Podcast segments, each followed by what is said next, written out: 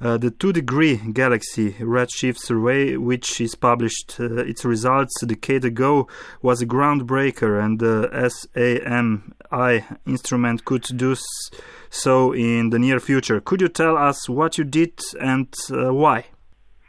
Okay, so Australia has a long history in developing instrumentation. Um, that goes back a very long way to the Second World War uh, and afterwards, especially in radio astronomy. Many technologies were invented and developed in Australia, including the technology Wi-Fi. Wi-Fi, which allows a computer to communicate with uh, any um, computer just through electronic um, communication. So we have a long history in developing uh, high-tech instrumentation. Now, because our telescopes are on mountains where the weather is not very good, we had to do something different. In about 1988, 1981, 82, we developed instruments where you could use fibers, optical fibers, and look at many stars or many galaxies at one time. Mm-hmm.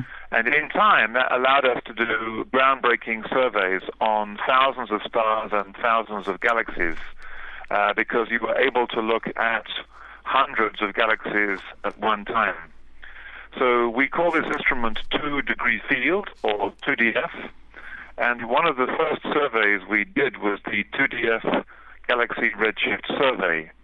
And over the course of 10 years, we were able to get the positions, locations of 225,000 galaxies. Mm-hmm. And we were able to see the galaxies were not random. They were not scattered like grains of sand on the, on the ground, but they had structure.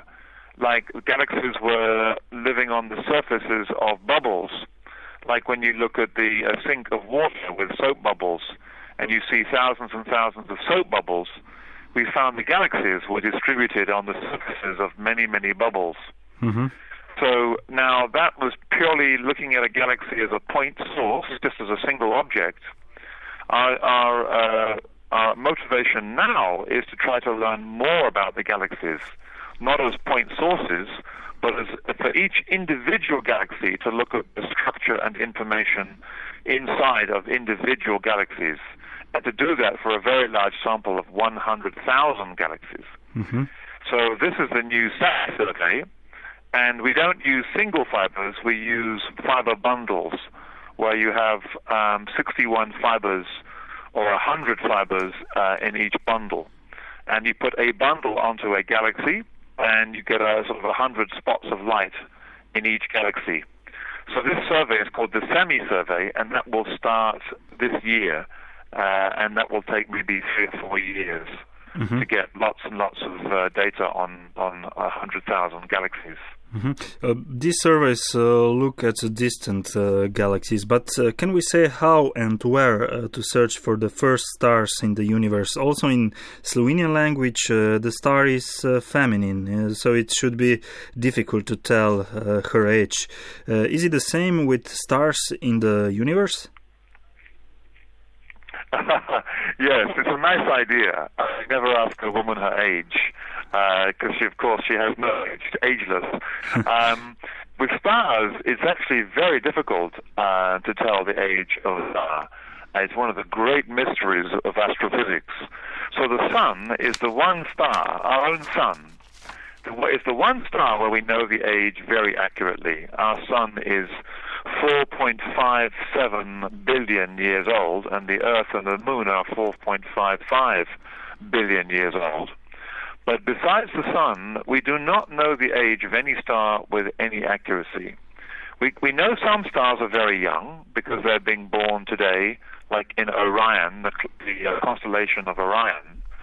But when you look elsewhere in the galaxy, we see star, stars all over the sky and we maybe maybe we think we know this one may be one billion years, this sun may be three billion years.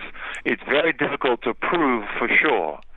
So you have to develop new methods to try to understand the ages of stars. For this reason, it's very difficult to be sure you know the age of, of any star, whether it be ancient or, or, or just middle aged. Mm-hmm. Um, and uh, at the moment, I would say that it's uh, our methods are, are, very crude. And, and um, so one way is to look for the for radioactive elements. There are elements, uh, chemical elements like uranium uh, and thorium, and there are, uh, these elements exist in certain stars, and you can measure the, the amounts of thorium and uranium and other elements. And what you find is that the uranium and thorium um, should have a certain amount, but you see less than what you should see. And the, the, the, the claim is that what you're seeing is radioactive decay. Mm-hmm. So for some stars, it's possible to obtain an age from radioactive decay of these isotopes. And those stars appear to be very old, like 10 billion, 11 billion, 12 billion years old. Mm-hmm. So, um, does that count for a first star? I don't think so. I think the star has to be even older, maybe 13.5 billion years or 13.3 billion years old. So we cannot say for sure yet which stars are what you would call first stars, or if they even exist. It may be the first stars only lived for a short time and then exploded and they disappeared a long time ago.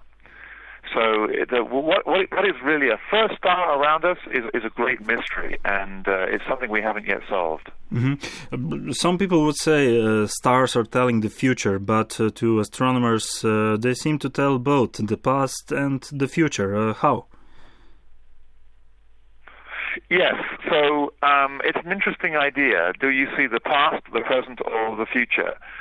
Well, the, there are lots of ways to, to answer this do you realize, of course, the speed of light is not infinitely fast. The speed of light is a constant. There's a certain um, speed, which is 300,000 kilometers per second. Now, the universe is huge, and as a result, as you look further and further away, you are seeing light from further and further back in time, mm-hmm. because the light has taken you this long to get to you. So when you look at the stars at night, you're not seeing the stars as they are now. You are seeing the stars as they appeared in the past. So some of those stars uh, may have long since disappeared, um, and some of those stars could be still uh, existing. Mm-hmm. So when you look out into deep space, you are seeing a time in the past, and sometimes you're seeing a time which is existing now. Um, so and other other places you look, you see places in the galaxy where you know that stars will form in the future. You see what are very dense, complicated regions where clouds are collapsing, and in those collapsing clouds, stars are being born.